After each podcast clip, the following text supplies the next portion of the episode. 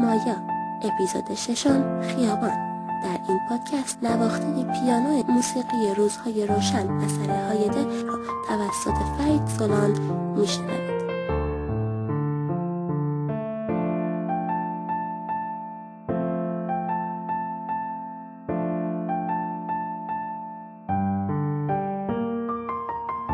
یک شنبه 26 آبان 1398 نمیدونم آگاهی در چه سطحی شما یه موقعی افراد رو میبینیم یه موقعی ساختارا رو میبینیم الگوها که تکرار میشن اونا رو که ببینی دیگه تو اصلا کاری به فرد نداری دیگه باید سیستم تغییر میده آره همه موافق تغییر سیستم هستم ولی خب میترسم نه راه نداره همه رو میکشم با زور و کتک اگه چیز نشد میکشم از زمان سیستم هم یه شبه عوض نمیشه انقلاب هم اصلا جواب نمیده هرچند میگفتن اصلاحات باید بشه انقلاب ولی اصلاحات هم میتونه که جواب نده بالاخره انقلاب هم که بشه همینا میان سر کار ولی با یه لباس جدید مثلا همون سواد شد اطلاعات یعنی دقیقا نیرو ندارن نیرو از خارج کشور که نمیتونن بیارن بنشونن تو مقامات مجبورن همونا بمونن Далее Абдуллах Навальный, его окружал Эсмиш Навальный. Фамилия того Нигер نداره. الان یک چند روزم بره به هم دو محسن ما اینا نهایت سرکوب میشن و تموم میشن چرا چون هیچ کس نیست الان بخواه اینا رهبری هدایت کنن و هیچ شخص قابل اعتمادی هم نیست مردم اعتماد کنن معمولا رهبری تو تهران بودن بعد الان تهران خیلی پیچیده است بقیه شهر هم الان نت و اینا که همه چقدر از صبح تا حالا دیشب تا ما دیروز دور تا الان تو خوابه زدن کردم در قفل کرده بودم نمیذاشتن تو حیات هم بریم چرا؟ آره در خوابه امروز دیگه بازش نمیخواستم امروز اگه شروع بشه اینا دوباره در میبندن نمیزن کسی ما که کاری ندارم نه ما به مست که رفتیم تو پشت سرمون در خود زنداری بود دقیقا و میگفتم برای امنیت خودشون وقتی میکشن دیگه خب روی خشونت یه شهری که اعدام دیده خیلی چیزا رو دیگه خشونت نمیده دقیقا ما که دو ماه دیگه داریم فارغ التحصیل میشیم دوستان میگن که حالا این دو ماه یه بزن به خیر و خوشی بگذره نمیخوام شهر درست کنم واسه خودم چیزی رو فرماندم دانشجو ترس اخراج شدنشه طرف شغل دولتی باز ترس که اخراج بشه نمیدونم کارمند فلانجا است تو بیمارستان کار میکنه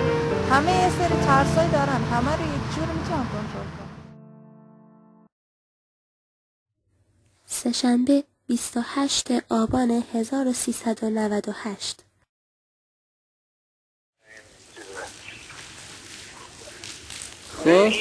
یهوی بودنش و یهوی سازمان بهش دادنش و مثلا ترداش شرفی بعد جمعیت چطوره بیان حسن مثلا جمعیت ها نسبت اساس بکنم نسبت ایرانی کمتره خب ولی جمعیت ها جمعیت عصبانی ها؟ عصبانیه دقیقا مثلا واقعا کشتن کسی یا نه؟ یکی کشتن خب مالیات بوده مالیات خیلی ترک بوده الان مالیات بکنه همه ماکار سوزوندن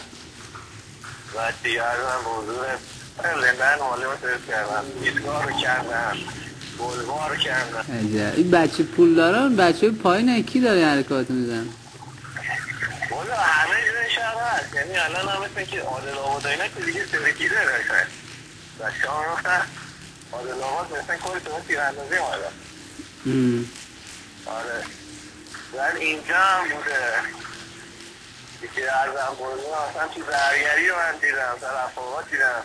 اینترنت هم که نداری اینترنت هم که ندارم من آره اومدم کنار دستگاه آتیش روشن کردیم نشستیم بعد اونجا چه خبره رمینا رفتی ببینیم ارم اینا خبری نیست امن و امن امترین قسمت شهر فکر کنم ارم و دانشگاه اینا آره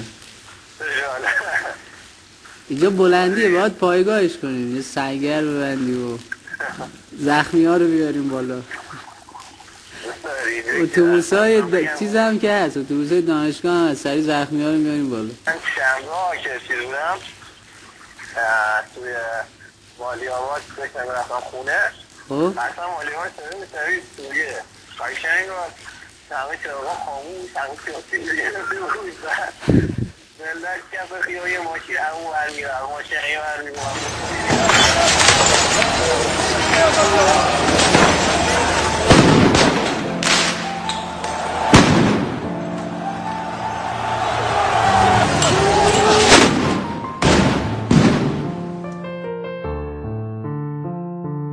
پنجشنبه سیوم آبان 1398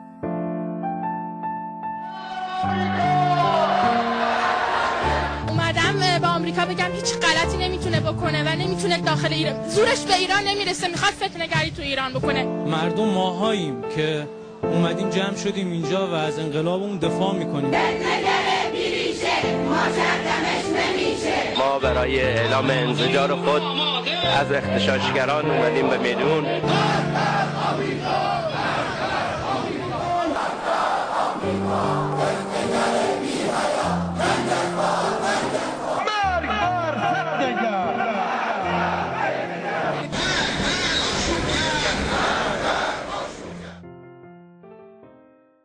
شنبه دوم آذر 1398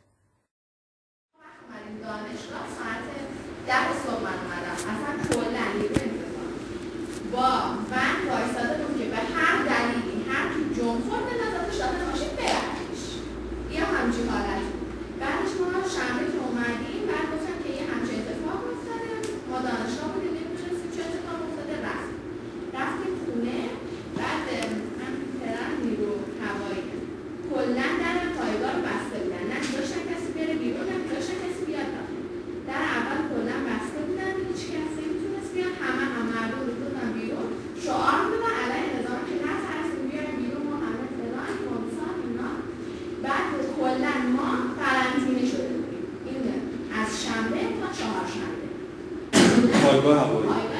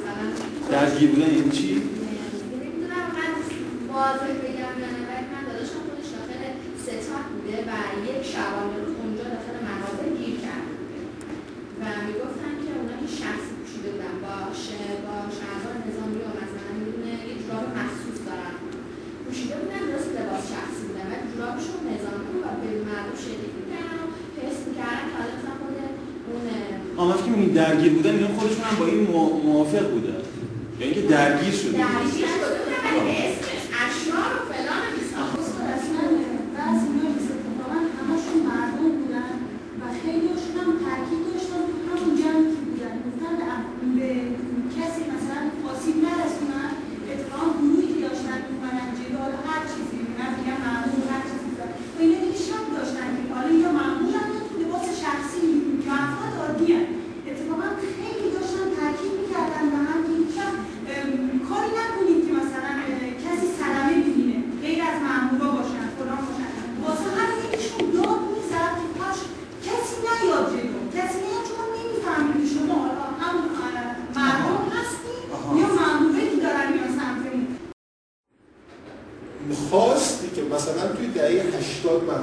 شد توی هفتاد هشت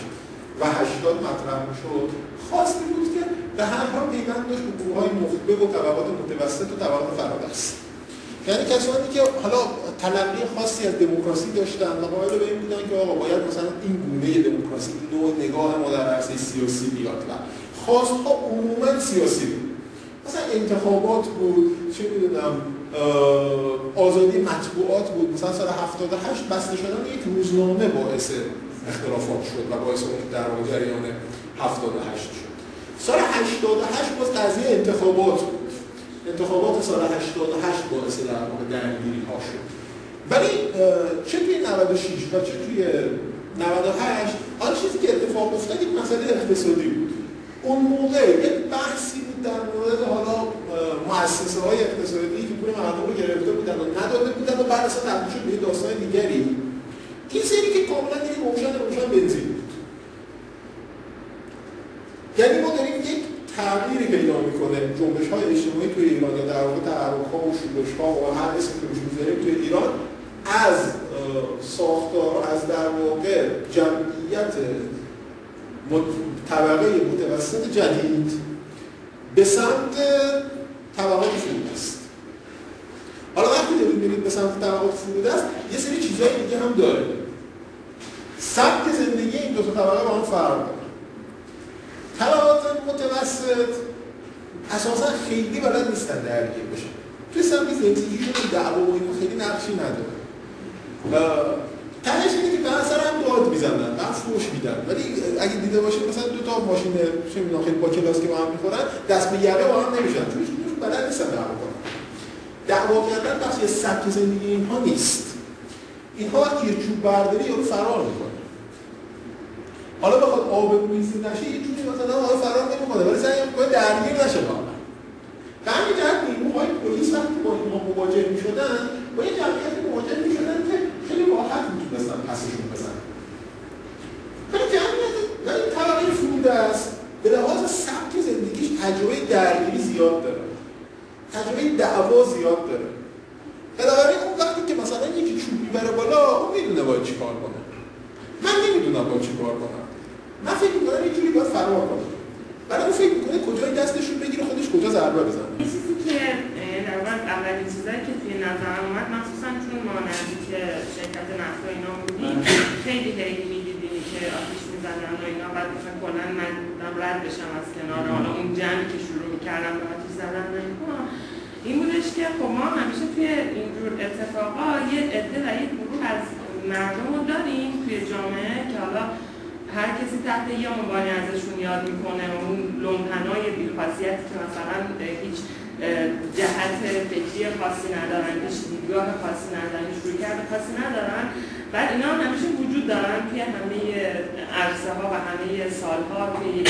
هستن و زمانی که یه مثلا حالا اتفاقی میفته یه چیز ارزون میشه یه چیز گرون میشه یه انتخاباتی میشه هر اتفاقی که میفته این ادهه یعنی این قشر از مردم خیلی راحت قابل برانگیخته کردن هستن و خب مثلا من خودم وقتی که یعنی زمانی که رد میشدم از بین این وضعیت ها میدیدم خب یه تعداد زیادیشون پسرهای نوجوانی که مثلا حالا گذشت 15 سالشونه دیدگاه خاصی هم یعنی هیچ چیز خاصی تو نمیبینی تو این حرکته این بوده که صرفا بیان حتی یه تخلیه روحی روانی در نمیخواد باشه بیان مثلا یه تخلیه بشن و حالا اومدن مثل گلبار رو آتیش زدن بدون اینکه حالا به پیامدش بکنن یا به نتیجهش بکنن یعنی که چرا دارن این کار میکنن و خب ما این قشته رو مثلا تو زمان مشروطه هم داشتیم دیگه یه ادهی بودن که امروز یکی میومد میگفت که آقا نمیدونم مصدق خوبه مثلا خوب اوکی بریم حالا اون بری beri. یکی ki hemen gofti ne اینا خوبیستن اونا خوبن بعد این سمت توی رفتن به نظر من انقلاب توی ایران یه چیز واقعا نسبت است چون مردم ایران حالا چه اونایی که تحصیل کرده مثلا یه خط فکری مستقیمی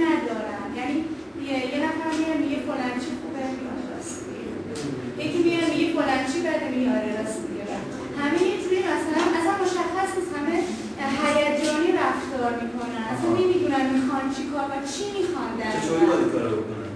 اصلا مشخص نگاه کن مثلا میگن میگن بنزین که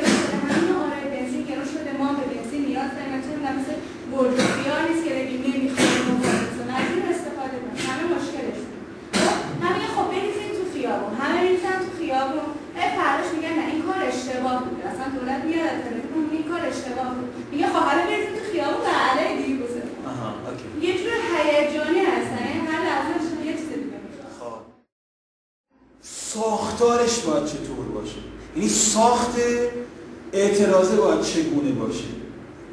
اینو جامعه مدنی درست میکنه. یعنی ما مردم که حرف میزنیم مردم یه پدیده یک پارچه که نیستن. مردم یه پدیده خیلی پیچیده و چندگانه و متکثره. به همین دلیله که شما میگید که بله من توشون مثلا لومپن میبینم بچه دهی هشتادی میبینم پیرمردم میبینم نظامی هم میبینم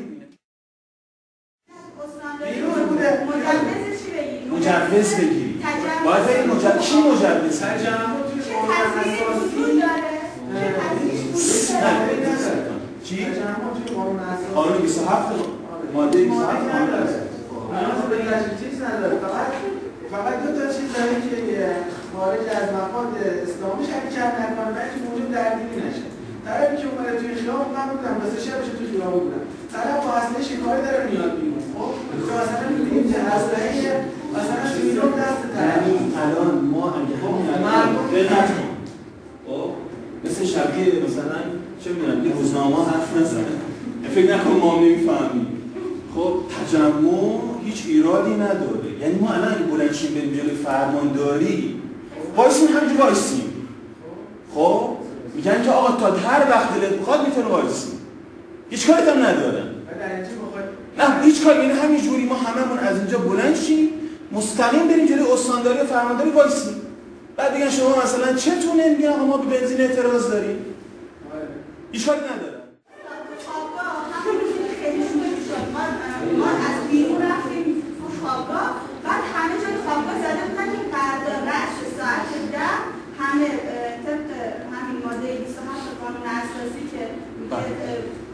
میرن و پیش اشکال نداره بیان میدان دانشگاه به خاطر مشکلاتی که پیش اومده یه تجمع مسالمت آمیزی چیز کنیم کی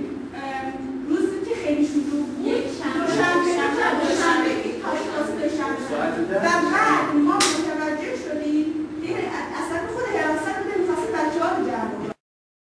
بحث جامعه مدنی اصلا بیانش مثل فوش بود دیگه خب این همون پدیده ایه که ما خودمون باهاش مبارزه کردیم و نبودنش هر روز داره گریبانمون رو میگیره. این در واقع اجازه فعالیت و احزاب و شکلی احزاب نمیدن یا داده نمیشه. متوجه ای؟ این که تو یک روز تو یک روز سی تا روزنامه با هم بسته میشد. اون شما بکنم من چهار پنج سال تو بوده. با سعید مرتضوی تو یک روز سی تا روزنامه میبسته تو یه روز متوجه ای؟ این همون پایه های جامعه مدنیه که مانع آشوب میشه مانع شورش میشه یعنی اینا در واقع کانالیزه میکنه ارتباط بین مردم و دولت رو از حالت تودهی درشون میاره NGO توی کشور ما هنوز که هنوز یه پدیده امنیتی حساب میشه یعنی یکی یه نفر نمیتونه. اصلا شوخیش اینجا که شما برای انجیو برای از دولت مجوز بگیرید انجیو خودش کنترل کننده قاعدتا کنترل کننده دولته. بعد بعد از دولت مجوز بگیرید حالا میگه بهت نداره اصلا از دولت مجوز بگیره. اجازه اون به اونم داده نمیشه. فقط توی الان پدیده های اجتماعی یا حوادثی که اتفاق میفته مثل سیل و فلان و اینا کمک انجیو که دیده شده حاکمیت الان به این نتیجه رسیده. آقا زمینه رو فراهم کنه شرایط سازی کنیم اینجور همیشه تو همه دنیا نماد دولت بانکا تو آمریکا نماد دولت نظام نظام سیاسی که اجتماعی بانکا اول تو بانکا را داشت؟ این تو مالی آقا دست به یه مغازم نزد دست به قفل یه مغازم نزد سر پل مالی آباد اگه نگاه میکردی یه باکسی بود که مال بانک شهر بود کنارش دقیقا مثلا پنج قدمش یه گل فروشی بود بانک شهری با خاک یکسان شده بود گل فروشی حتی نذاشتن آتیش نزدیکش بشه این یه پیامی داره دیگه متوجهی و اینکه تو خود اون اتفاقه مثلا وقتی ATM ها رو میخواستن بسوزونن درست یه عده‌ای بودن واقعا بودن از بیرونم اداره میشدن که این جریان رو جهت میده ولی دیگه مثل قبل نیست چون هم حاکمیت روی این روابط چیز داره کنترل داره و راحت هم سریع هم تقریبا پیداشون میکنه و بعدا اون گسترده دیگه وجود نداره پلیس پلیس در واقع اون نیروهای امنیتی هم نسبت به قبل آموزش دیده تر شدن در مواجهه با این نوع از شغل یعنی خب برای خود من سوال بود تو مالی اوقات ملت راست راست داشتن بانک آتیش می‌خورد اصلا نیرو امنیت مدافع نمی‌کرد اصلا نمی‌کرد بود اما کاری نمی‌کرد چی؟ آگاهانه بود به نظر تمام میشه دیگه تمام میشه خب یعنی اینا که نمیتونن تو همه جا رو بسوزونن این انرژیش تمام میشه بعد دیگه خستش میشه میره بعد یه آب آبی میپاشه رو شد تفنگ ساچمه میزنه تمامش میره خونش بعد یه جمعش میکنه من اصلا اینو از نزدیک دیدم بندگان خدا این کارگر شهرداری تو توی ساختمان فرانسوی ساز مالی آباد تو جوبا همه آماده باش نشسته بودن زیر بارون بعد ملت داشتن جوانه داشتن آتیش میزدن مثلا بانک انصار و اینا بانک ملی و اینا رو خوشن بانک انصار تو مالی آباد خاک یکسان شد آره از سر از صنایع تا پل انسان یک نوع سالم وجود نداره بانک قوامی توی تاجرا اصلا ساختمانش دیگه قابل وقت از اول خراب میشه خب یه بانک شهر رفاه توی مالی آباد کل ساختمان پنج طبقه سوخت ببین تو امیر کبیر یکی از دوستان من آتش نشان بود خیلی جالب داستان که برای من خیلی جالب با حمله که اینا به ما کردن ماشین آتش چند بار رفت مأموریت حمله به ما کردن گفت از ستاد آت... کل آتش ما گفتن دیگه مداخله نه بهتون زنگ زدن ندیم خب این رفیق من توی پاس پا... در واقع پایگاه آتش نشانی امیر کبیر گفت که یه عده اومدن پهلو ما گفتم ما یه بانک آتیش زدیم نمیدونستیم بالاش کنیم مسئولی داره آتیش میگیره بیا خاموش کنیم بعد آتش نشانا گفت اینا گفتن به ما دستور دادن که نیایم گفته نمیای گفته نه. گفته خیلی خوب. رفتن با قمه و سلاح گرد اومدن. قشنگ مثل گروگان. خودشون اسکورتمون گرد خاموشش کرد دور واسه خودم برام گرد من نمیدونم اسمش بذاریم مسئولیت پذیری آشوب. نمیدونم واقعا. متوجهی یعنی یه قاعده به کیان داشته یه همون آه این که دارم به شما میگم آقا اصلا راهی برای انتقال پیام وجود نداره چون جامعه مدنی وجود نداره چون واسطی بین دولت و مردم وجود نداره این میخوادم پیامش رو ارسال کنه نمیدونه چطوری تو همین آشوره با این برش شکل درست میکنه ساخت درست میکنه چون جامعه مدنی وجود جامعه مدنی وجود